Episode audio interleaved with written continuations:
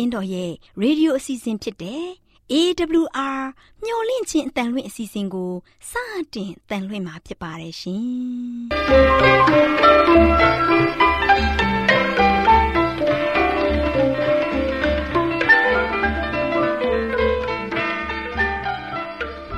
တော်တာရှင်များခင်ဗျာမျော်လင့်ခြင်းအတန်မြန်မာအစီအစဉ်ကိုနက်နက်6နိုင်မိနစ်30မှ9နာရီအထိ16မီတာ kHz 10653ညညပိုင်း9နာရီမှ9နာရီမိနစ်30အထိ19မီတာ kHz 19533ညမှနေ့စဉ်အတန်လှွင့်ပေးနေပါတယ်ခင်ဗျာတော်တာရှင်များရှင်အာရောချင်ပရမန်လာဘန်ကျမ်းမာခြင်းသည်လူသားတိုင်းအတွက်အဓိကအရေးဖြစ်ပါသည်ဒါကြောင့်ကိုရောစိတ်ပါကျမ်းမာစေဖို့ယင်ကျမ်းမာခြင်းတရင်ကောင်းကို တင်ဆက်ပေးလိုက်ပါတယ်ရှင် အားလုံးကိုမင်္ဂလာပေါင်းနဲ့ပြည့်စုံကြပါစေလို့နှုတ်ခွန်းဆက်သလိုက်ပါတယ်ရှင်အခုချိန်မှာတော့စက်သွန်နီနဲ့ပတ်သက်တဲ့အကြောင်းအရာတင်ပြပေးချင်ပါတယ်ရှင်စက်သွန်နီဟာအလွယ်တကူသုံးနိုင်တဲ့ပစ္စည်းတစ်ခုဖြစ်ပါတယ်ဒါကြောင့်မြန်မာလူမျိုးတွေကစေဝါအဖြစ်အသုံးပြုခဲ့ကြပါတယ်ရှင်။ကြက်သွန်နီကိုအားရှိအောင်စားကြသလိုနေ့စဉ်ဟင်းချက်တဲ့အခါမှာလည်းကျမတို့အသုံးပြုတာဖြစ်ပါတယ်ရှင်။ကိုခံအားနည်းသူများ၊သွေးအားနည်းသူများ၊နလန်ဒဆလူမမာများအသက်ကြီးပြီး အားရင်ချိနေတဲ့သူများဟာကြက်သွန်နီဥကြီးငါးလုံးခန့်ကိုရေအနှဲငယ်နဲ့ရေခမ်းပြုတ်ပါပြုတ်ပြီးသားကြက်သွန်တွေကိုအပေါ်ယံများခွာပြီးဇွန်းဖြင့်ခြေပေးပြီးစီအနှဲငယ်စားနှဲငယ်ထဲပါပြီးနောက်ကြက်သားဒါမှမဟုတ်ငါထိုအရာတွေကိုဖြင့်ပြီးကြက်သွန်ပြုတ်နဲ့ရောပြီးနေ့စဉ်စားသုံးပေးပါကကိုခန့်အားကိုမြင့်တက်စေပါတယ်။သွေးအားကိုတိုးစေပါတယ်။ကြက်သွန်တုတ်ဓာတ်စာဟာ မြည်သူမဆိုနေ့စဉ်စားသုံးနိုင်တဲ့အတွက်အစာလဲစီဖြစ်ပါတယ်ရှင်။ကြက်သွန်တုတ်ဆိုပြီးအထင်အမြင်မသေးပါနဲ့။တီးသူများအတွက်ဖော်စားစရာစီးဖြစ်တယ်လို့မတိသူများအတွက်ကြော်သွားစရာလည်းဖြစ်ပါတယ်ရှင်။ကြက်သွန်နီဥကြီးတစ်လုံးကိုမီးဖုတ်ပါထိုကျက်သွန်နီမီဖုတ်ကိုအပေါ်ခွန်များခွာပြီးမပူမအေးတွင်ထညက်တလုံးနဲ့ခလေးကို နေစဉ်ကြွေးပါဤကျက်သွန်ဦးမီဖုတ်နဲ့ထညက်တလုံး တို့ကိုခလေးအားနေစဉ်ကြွေးပေးခြင်းအပြင်အာရင်ချိနေနေတဲ့ခလေးများလလန်ထဆကလေးများပိန်ချုံနေတဲ့ကလေးများလည်းပြန်လဲဝဖြိုးပြီးအာရင်များတိုးပွားလာစေပါတယ်ဤနီးမှလွယ်ကူပြီးကလေးမိခင်တိုင်းမိမိတို့ရင်သွေးရတနာများကို နေ့စဉ်ကြွေးမွေးကပြုစုစောင့်ရှောက်နိုင်ပါတယ်ရှင် ကျက်သွန်နီဦးကြီးတလုံးခန့်ကိုအခွန်ခွာပြီးတန့်ပြန့်တဲ့ငရုတ်စုံတွေထောင်းပါညက်လင်တန့်စင်သောပိတ်ပါးစားနှင့်စစ်ယူပြီးထိုအရေတွင် ပြားရည်ဟင်းစားတစုံထည့်၍မိဝဲရက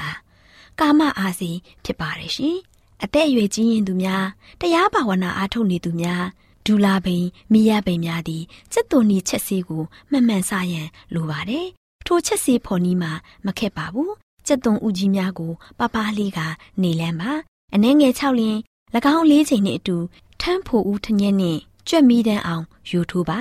ထိုယူများကိုမနဲ့ညလက်ဖက်စားစွန်းတစွန်းစီစားသုံးပေးသွားခြင်းဖြင့်ရုပ်ကိုပြန်လည်နှုတ်ပြလာစေပါတယ်ရှင်ဓမ္မတာမမှန်သောအမျိုးသမီးများအတွက်ယာဒီပန်းပွင့်ခါနီ၃ရက်အလိုတွင်စက်သွန်နီဦးကြီးတစ်လုံးကိုလေးစိတ်စိတ်၍နေ့စဉ်တို့စားပေးပါယာဒီများမှန်၍ပြန်လဲတက်ဆင်းလာပါလိမ့်မယ် ကျက်သွန်ဦးကြီးကို အခွန်ခွာပြီးလေးစိတ်စိတ်ပါထို့နောက်မက်ခွက်ကြီးထဲတွင်တောက်ရည်အလောတော်ထည့်ပြီးတညဟိစိန်ထားပါကျက်သွန်ကျက်သွန်စိမ်းရည်ကိုမနဲ့အရာထတွင် အဝါတောက်ပါ ထို့သောနေ့စဉ်မမှန်ကျက်သွန်ညသိစိမ်းရည်ကိုတောက်သုံးပေးခြင်းဖြင့်ကြောက်ကပ်ယောဂများတက်တာပြောက်ကင်းစေနိုင်ပါတယ်ရှင်နောက်တနည်းကတော့ကျက်သွန်နီဥသေးများကိုခွန်ခွာပြီးရှောက်ရည်တွင် ထိုလျှောက်ရည်တွင်စိန်ထားသောစစ်သွန်နီဥကလေးများကိုထမင်းနှင့်အတူတို့စားခြင်းဖြင့်ဝမ်းပြော့များကိုနေ့စဉ်ပုံမှန်သွားစေပါတယ်ရှင်။ထိုနည်းမှာမြည်သည့်ဝမ်းနှုတ်ဆေးကိုမျှစားသုံးရန်မလိုသောအစာလဲဆေးဆေးလက်အစာဖြစ်ပါတယ်ရှင်။ကျက်သွန်နီဖြင့်စီးရွှင်စေရန်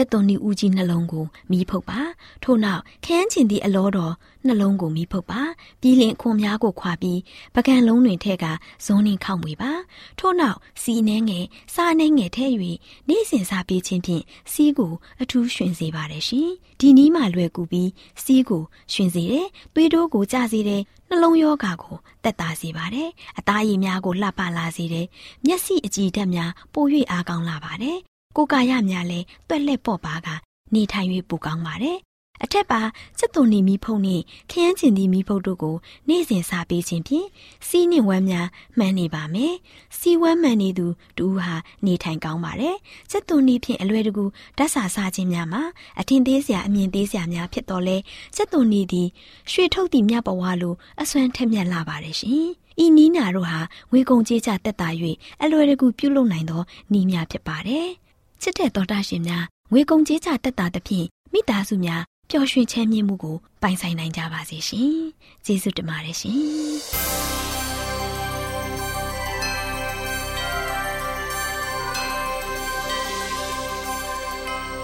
တော်တာရှင်များရှင်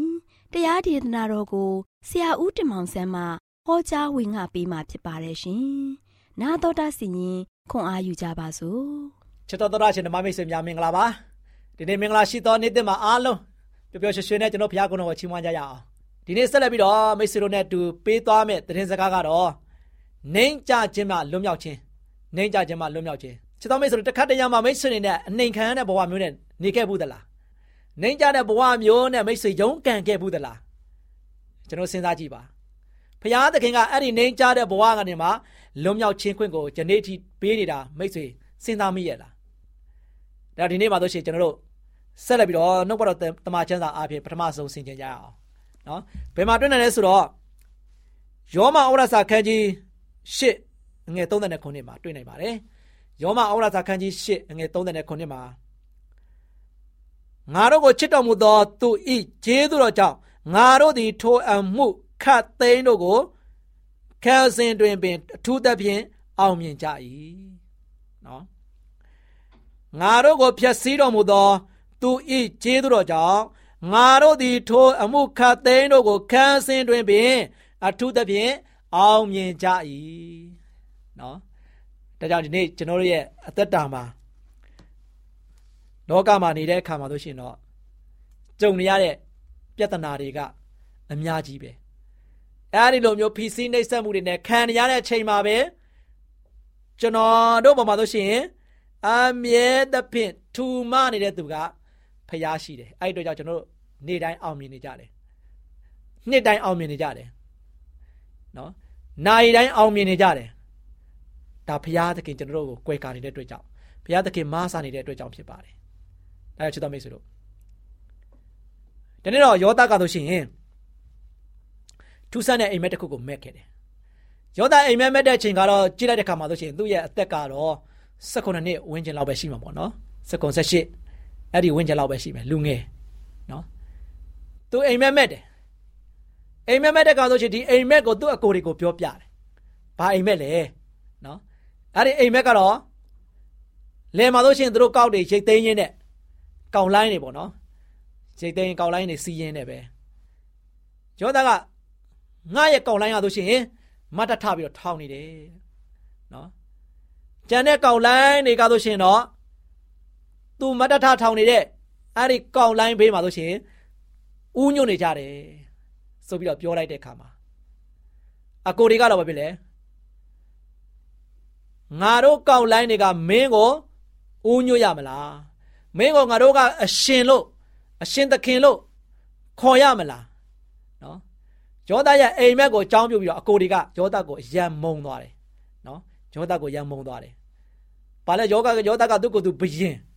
သူကသူအရှင်ငါတို့ကပဲသူ့ကိုဥညွတ်ရမယ်လားဆိုပြီးတော့သူတို့တွေကဆိုရှင်ရေရွတ်ပြီးတော့ယောသပေါ်မှာအမုံထားပြီးတော့မုံအမုံကြီးမုံသားရုံမကဘဲနဲ့ရန်ညိုးထားကြတယ်နောက်ဆုံးယောသကိုသူတို့ဘယ်လောက်ထိမုံတယ်ယောသရဲ့အသက်ကိုတောင်မှတတ်ဖို့ရန်တီတောင်သူတို့ကြံစည်ခဲ့တယ်စဉ်းစားကြည့်တော့ညီကိုနော်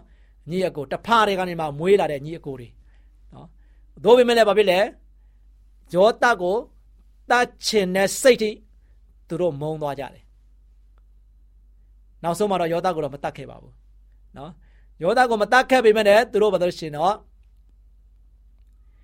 ဣရှမေလူတို့ထံမှာဆိုရှင်ယောသကိုရောင်းစားလိုက်တယ်နော်ယောသကိုရောင်းစားလိုက်တယ်ငွေအတပြား20နဲ့ရောင်းစားလိုက်တယ်ယောသကလိုလိုနေရင်းနဲ့ငွေဝယ်ကြုံဖြစ်သွားတယ်နော်ငွေဝယ်ကြုံငွေဝယ်ကြုံတယောက်အနေနဲ့စဉ်းစားကြည့်ပါဘာအခွင့်အရေးမှမရှိဘူး လူခွင့်ရေးဆိုတာလည်းမရှိဘူးသူကသူများဝယ်သွားတယ်ငွေနဲ့ဝယ်ထားတဲ့အတွက်ကြောင့်သူ့မှာဆိုရှင်ဘာအခွင့်အရေးမှမရှိတော့ဘူးလူမှုဖူလုံရေးလည်းမရှိတော့ဘူးပြီးလို့ရှိရင်သူ့မှာဆိုရှင်လောက်ခလည်းမရှိဘူးလစာလည်းမရှိဘူးစဉ်းစားကြည့်နော်သူများကသူ့ကိုငွေဝယ်ကျွန်နေနဲ့ခေါ်သွားတဲ့ခါမှာဝယ်သွားတဲ့အတွက်ကြောင့်သူ့ကိုထိုက်တဲ့ငွေနဲ့သူ့ကိုကြုံအဖြစ်ဝယ်သွားပြီသူဘလောက်ပဲစ조사ပြီးတော့လုပ်နေပါစေ သူတို့ခိုင်းသမျှအရာအားလုံးလုပ်ပေးနေပါစေသူ့အတွက်လာစာတပြားမှတစ်ချက်မှမရဘူးမျောလင်းချက်မရှိဘူးနော်အဲ့ဒီလိုမျိုးအခြေအနေမျိုးမှာယောသငွေဝယ်ကျွန်ဖြစ်သွားတယ်နော်ယောသငွေဝယ်ကျွန်ဖြစ်သွားတယ်သူဘာမှအရာအားလုံးသူကဆိုရှင်ဆုံရှုံသွားရတယ်နော်ဆုံရှုံသွားပြီသူလူဆိုတဲ့အရာထဲမှာမှာကျွန်းကျွန်းဆိုတဲ့ထဲမှာတော့ကငွေဝယ်ကျွန်း ဖြစ်သွားတယ်နော်အဲ့တော့ကြောင့် तू ဘာပဲလုပ်လို့ तू မှမျောလင်းချက်မရှိဘူးဒီသခင်အတွက်ပဲ तू လှုပ်ပေးနေရမယ်နော်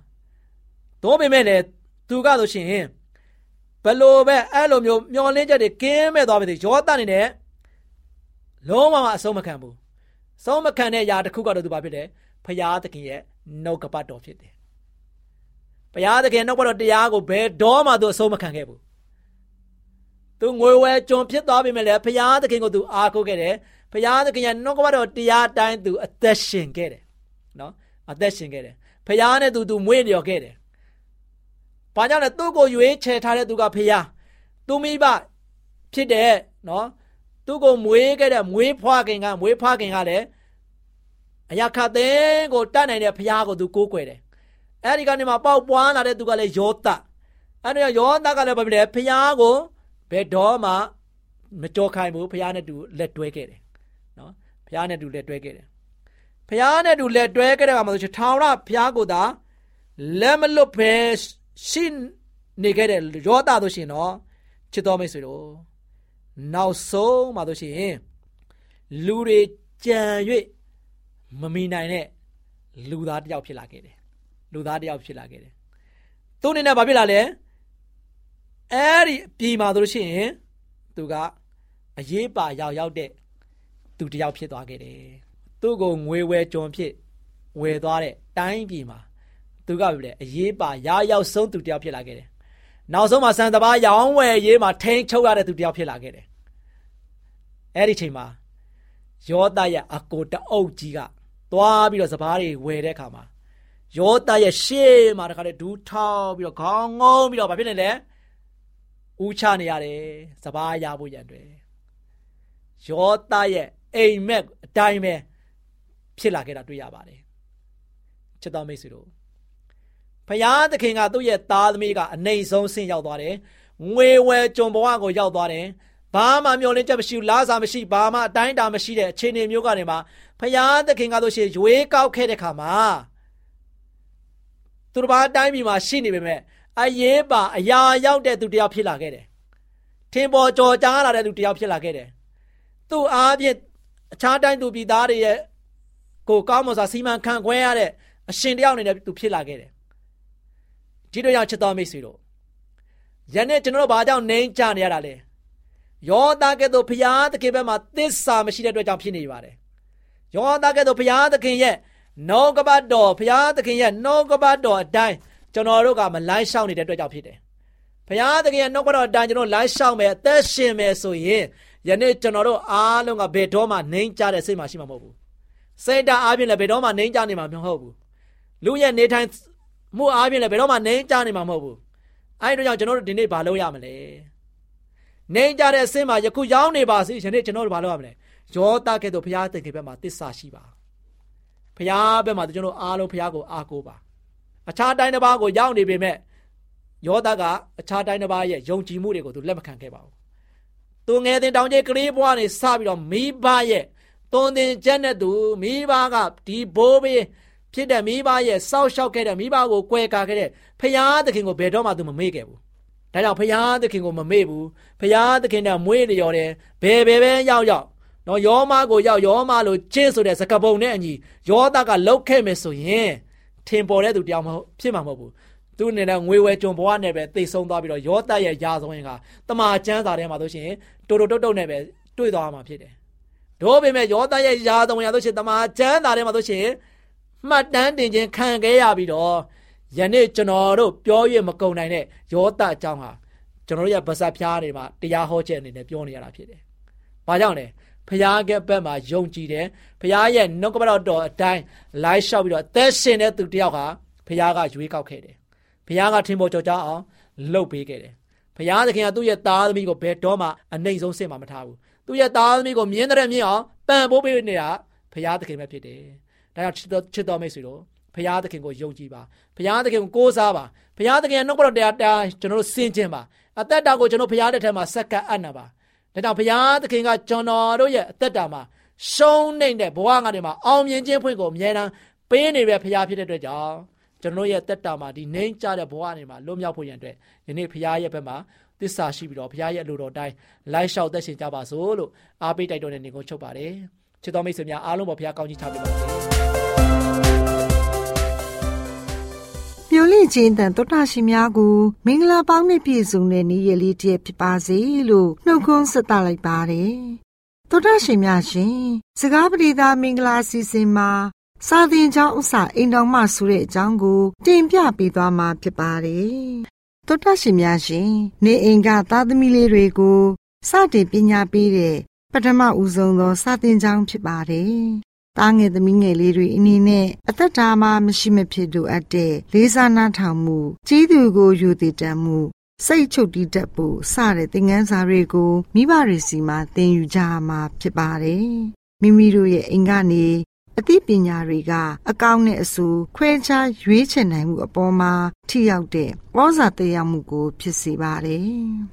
သောတာရှင်မိသားစုဝင်များတို့မိဘတိုင်းကမိမိတို့ရဲ့ သားသမီးလေးတွေကို ကာယညာနာနဲ့ဘာသာတရားဆိုင်ရာသွန်သင်ချက်တွေကိုသင်ကြားပေးဖို့တာဝန်ရှိပါတယ်။ဒီတာဝန်ကသိငယ်ပြီးအရေးမပါတဲ့တာဝန်တစ်ခုမဟုတ်ပါဘူး။လေးစားရတဲ့မိဘများတို့ရှင်။ကျမတို့မိခင်ဖခင်တွေအနေနဲ့ဖျားသခင်ထံတော်မှာစိတ်ရှည်သီးခံပြီးဆုတောင်းတဲ့ဇွဲရှိရှိနဲ့စက္ကန့်လှုပ်ဆောင်ကြရမှာဖြစ်ပါတယ်။ မိဘတွေအနည်းနဲ့မှန်ကန်တဲ့အခြေခံအုတ်မြစ်တစ်ခုကိုချပြီးမှခိုင်ခန့်မြဲမြံတဲ့ဇာရိတအဆောက်အအုံကိုတိဆောက်ရမှာဖြစ်ပါတယ်။မိမိတို့တိဆောက်ပြီးတဲ့အဆောက်အအုံကိုတောက်ပြောင်လာအောင် နေ့စဉ်နဲ့အမျှလုပ်ကင်ပေးရမှာဖြစ်ပါတယ်။ပြေဝဆုံးလင်းလာအောင် နေ့စဉ်ရက်ဆက်မွမ်းမံပြုပြင်ပေးရမှာဖြစ်ပါတယ်။လေးစားရတဲ့မိခင်ဖခင်များတို့ ချမိတ်ဆွေတို့ရဲ့အိမ်အောင်လေးကလေးချင်ရေးကြောင်းတစ်ကြောင်းဖြစ်တယ်ဆိုတာသတိရပါငယ်ရွယ်နှုပြိုတဲ့မိတ်ဆွေတို့ရဲ့သားသမီးလေးတွေမခံယူသင့်တဲ့ပညာရက်တွေကိုအိမ်ထဲတည်မလာစေပါနဲ့မိဘတွေအနေနဲ့ကလည်းကြမ်းတမ်းတဲ့စကလုံးတစ်လုံးကိုမှရင်သွေးငယ်လေးတွေရဲ့ရှိမှာမပြောမိကြပါစေနဲ့ မိမိတို့ဆက်ဆိုင်တဲ့သူတွေအပေါ်နဲ့တခြားသူတွေအပေါ်စိတ်ရှည်သီးခံတတ်အောင်သဘောထားကြီးကြီးထားတတ်အောင်သင်ကြားပေးရပါမယ်လေးစားရတဲ့မိဘများတို့အိမ်မှာတာဝန်ပေးတဲ့အလုပ်ကရိုးရိုးတာမန်အလုပ်မဟုတ်ပါဘူးစစ်မှန်တဲ့ပညာရေးရဲ့အဓိကနေရာမှာယက်တည်နေပြီးသူတို့ရဲ့ဇာတိတာတွေကို ပုံသွင်းပေးဖို့မိဘတွေမှာတာဝန်ရှိပါတယ် လေးစားရတဲ့မိခင်ဖခင်များတို့ငယ်ရွယ်တဲ့သားသမီးလေးတွေကို လေ့ကျင့်ပညာပေးအပ်ထားတာကိုသတိရကြပါတားငယ်သမီးငယ်လေးတွေကိုလေ့ကျင့်ပညာပေးတဲ့အမှုကိုလည်းလစ်လျူမရှုကြပါနဲ့ဒီတာဝန်ကို ပြက်ကွက်တဲ့သူကဖျားပေးတာဝန်ကိုလစ်လျူရှုသူတွေဖြစ်ကြပါတယ်။သောတာရှင်မိဘများတို့အိမ်မှာပေးတဲ့ပညာရေးကကြီးမားနဲ့နေလာပါတယ်။ တမန်ကျမ်းစာရမြတ်ထဲကယုံကြည်ခြင်းရဲ့ဖခင်ကြီးဖြစ်တဲ့အာဗြဟံအနေနဲ့သူ့ရဲ့အိမ်သူအိမ်သားတွေကိုဘာသာတရားနဲ့ပြည့်ဝအောင် ပြုစုပြောင်းထောင်ခဲ့ပါတယ်။ဖျားသခင်ရဲ့အမိန့်တော်ကိုလိုက်နာကျင့်ကြံတတ်အောင်သင်ကြားပေးဖို့လူသားတွေပေါ်ဖျားသခင်ဆက်ဆံပြုမှုပုံကိုသိရှိစေဖို့သားသမီးလေးတွေကိုတင် जा စေရန်ဟေဘဲမိဘတွေကိုဖျားသခင်မိတ်ကြားတော်မူခဲ့ပါတယ်။ အဲ့ဒီအချိန်ခါတုန်းကကျောင်းကလည်းအိမ်အိမ်ကလည်းကျောင်းပဲဖြစ်ပါတယ်။လေးစားရတဲ့မိဘများတို့သားသမီးတွေကိုပညာပေးရမှာမိဘတွေကကျောင်းဆရာတွေထက်အရင်ကျသူတွေဖြစ်ကြပါတယ်ပထမတန်းကိုမိဘတိုင်းသင်ပေးရတဲ့အိမ်ကျောင်းတစ်ကျောင်းရှိမြဲဖြစ်ပါတယ်။ မိဘတွေအနေနဲ့အိမ်ဆိုတဲ့ကြောင်းလေးမှာဆုတောင်းပြီးတော့ဘုရားသခင်ထံမှာစက္ကပ်အနံဆုတောင်းပြီးတွင်တင်လန်းပြပေးမယ်ဆိုရင်သားသမီးလေးတွေအနေနဲ့စာသင်ကျောင်းမှာကြောင်းတက်ဖို့အဆင်သင့်ဖြစ်နေပါလိမ့်မယ်။လေးစားရတဲ့မိဘများတို့နေအိမ်တိန်ကသားသမီးလေးတွေကိုနန်းတွင်းသားတွေရဲ့ဇာတိတမျိုးပိုင်ဆိုင်လာအောင် ပြုစုပြောထောင်ပြီးတဲ့ကြောင်းတစ်ကြောင်းဖြစ်လာနိုင်ပါတယ်။ မိတ်ဆွေများတို့ရှင်ယေရှုခရစ်တော်သည်အိမ်မှာပညာရခဲ့သူတူဖြစ်ပါတယ်။ကိုရောရဲ့မိခင်ကလက်ဦးဆရာတူဖြစ်ပါတယ်။ပယောဖက်စာလိပ်တွေကို ဖွင့်ပြပြီးမိခင်ပြောဆိုခဲ့တဲ့အတန်ကနေတဆင်ကောင်းကင်နိုင်ငံတော်ဆိုင်ရာအကြောင်းတွေကိုကိုရောရှင်လေ့လာခဲ့ရပါတယ်။ကိုရောဒီဆင်းရဲတဲ့အိမ်အောင်ကမွေးဖွားလာခဲ့ပြီးမြဲမိဘတွေတတ်မှတ်ပေးတဲ့အိမ်မှုတာဝန်ကို ပျော်ရွှင်စွာနဲ့ကြေးပြုံအောင်ဆောင်ရွက်ခဲ့ပါတယ်။ကိုရရှင်ဒီမိဘစကားကို နားထောင်တဲ့သားတယောက်လည်းဖြစ်ခဲ့ပါတယ်။လေးစားရတဲ့မိဘများတို့လက်ဦးဆရာမိနစ်ဖဆိုတဲ့ကဲ့သို့မိဘများအနေနဲ့မိမိတို့လှုပ်ဆောင်ရမယ့်တာဝန်တွေကို နားလည်ထားဖို့လိုအပ်ပါတယ်။မိဘများတို့ယနေ့လောကမှာလူငယ်တွေကိုလမ်းလွဲစေတဲ့ထောင်ချောက်တွေနဲ့ပြည့်နေလိုနေပါတယ်။များစွာသောလူငယ်တွေဟာ ပါဇက်အလိုလိုက်မှုစိတ်အလိုလိုက်မှုအောက်မှာကြာရှုံးနေကြသလိုသူတို့လေးတွေရဲ့အနာဂတ်ကလည်းမျောလင့်ချက်မဲ့ပျောက်ဆုံးနေပါပြီ။လေးစားရတဲ့မိဘများတို့ဒီလိုမကောင်းမှုဒုစရိုက်ကိုကြော်လွှားအောင်မြင်နိုင်မှုမိခင်ဝမ်းထဲမှာရှိစဉ်ကပင်သားသမီးလေးတွေကိုအစာပြုပြင်ပေးထားသင့်ပါတယ်။နှုတ်ကပတ်တော်ထဲမှာဖော်ပြထားတဲ့အတိုင်းငယ်သွားရလမ်းဝ၌ဆုံးမသွန်သင်လော တို့ပြုလင်သူသည်အိုသောအခါထိုလမ်းမှမလွယ်လိုက်သွားလိမ့်မည်လေးစားရတဲ့မိသားစုဝင်အိမ်တော်များနဲ့အတူလူငယ်မောင်မဲတယောက်စီတိုင်းပေါ်ထာဝရဘုရားသခင်ထံတော်မျက်စီမှာငြိမ်သက်ခြင်းကောင်းကြီးမင်္ဂလာများသုံးလုံးချပေးပါစေလို့ဆုတောင်းပေးလိုက်ရပါတယ်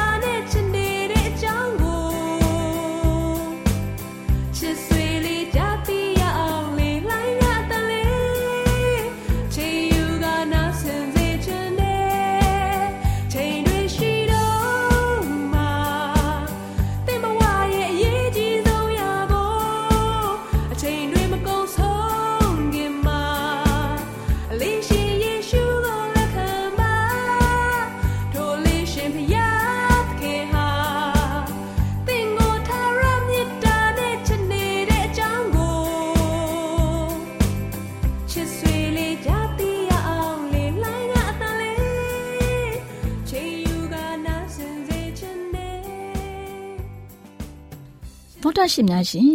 ကျမတို့ရဲ့ဗျာဒိတ်တော်စပေးစာယူသင်တန်းဌာနမှာ အောက်ပါသင်တန်းများကိုပို့ချပေးလျက်ရှိပါတယ်ရှင်သင်တန်းများမှာစိတ်ဓာတ်ဒုက္ခရှာဖွေခြင်းခရစ်တော်၏အသက်တာနှင့်တုန်သင်ချက်များတဘာဝတရားဤဆရာဝန်ရှိပါကျမ်းမာခြင်းနဲ့အသက်ရှည်ခြင်းသင်နဲ့တင့်ကြမာရေးရှားဖွေတွေ့ရှိခြင်းလမ်းညွန်သင်ခန်းစာများဖြစ်ပါရဲ့ရှင်။သင်တန်းအလုံးဟာ အခမဲ့သင်တန်းတွေဖြစ်ပါတယ်။ဖြစ်ဆိုပြီးတဲ့သူတိုင်းကို ဂုံပြုလွှာချီးမြှင့်ပေးမှာဖြစ်ပါရဲ့ရှင်။တော်တာရှင်များခင်ဗျာဓာတိတော်အတန်းစာပေးစာယူဌာနကိုဆက်သွယ်ခြင်းနဲ့ဆိုရင်တော့ဆက်သွယ်ရမယ့်ဖုန်းနံပါတ်ကတော့39 656 296 336နဲ့39 98 316 694ကိုဆက်သွယ်နိုင်ပါတယ်။ဓာတိတော်အတန်းစာပေးစာယူဌာနကိုအီးမေးလ်နဲ့ဆက်သွယ်ခြင်းနဲ့ဆိုရင်တော့ l a l r a w n g b a w l a @gmail.com ကိုဆက်သွင်းနိုင်ပါတယ်။ဗျာဒိတ်တော်အတန်းစာပေးစာဥထာဏာကို Facebook နဲ့ဆက်သွယ်ခြင်းနဲ့ဆိုရင်တော့ SOESANDAR Facebook အကောင့်မှာဆက်သွင်းနိုင်ပါတယ်။ AWR မျော်လင့်ခြင်းအတန်ကိုအားပေးနေတယ်တော်တာရှင်များရှင် မျော်လင့်ခြင်းအတန်မှာအကြောင်းအရာတွေကိုပုံမသိရှိပြီးဖုန်းနဲ့ဆက်သွယ်လိုပါက39 2939 3926ခွန်45နောက်ထပ်ဖုန်းတစ်လုံးအနေနဲ့39 688 464 48ခွန်ကိုဆက်သွယ်နိုင်ပါတယ်ရှင် AWR မျော်လင့်ခြင်းအတန်ကို Facebook နဲ့ဆက်သွယ်ခြင်းနဲ့ဆိုရင်တော့ AWR ရန်ကုန် Facebook Page မှာဆက်သွယ်နိုင်ပါတယ်ခင်ဗျာ။အင်တာနက်ကနေမျော်လင့်ခြင်းအတန်ရေဒီယိုအစီအစဉ်တွေကိုနားထောင်ခြင်းနဲ့ဆိုရင်တော့ website လိပ်စာကတော့ www.awr.org ဖြစ်ပါတယ်ခင်ဗျာ။တော်တာရှင်များရှင် KSTA အာကခွန်ကျွန်းမှာ AWR မျိုးလင့်ချင်းအတံမြန်မာအစီအစဉ်များကိုအတံလွှင့်ခဲ့ခြင်းဖြစ်ပါတယ်ရှင် AWR မျော်လင့်ခြင်းအတန်ကိုနာတော်တာဆင် gay ကြတော့တောတာရှင်အရောက်တိုင်းပေါ်မှာဖျားသခင်ရဲ့ကြွယ်ဝစွာသောကောင်းကြီးမင်္ဂလာတက်ရောက်ပါစေကိုယ်စိတ်နှဖျားစမ်းမွှေလန်းကြပါစေကျေးဇူးတင်ပါတယ်ခင်ဗျာ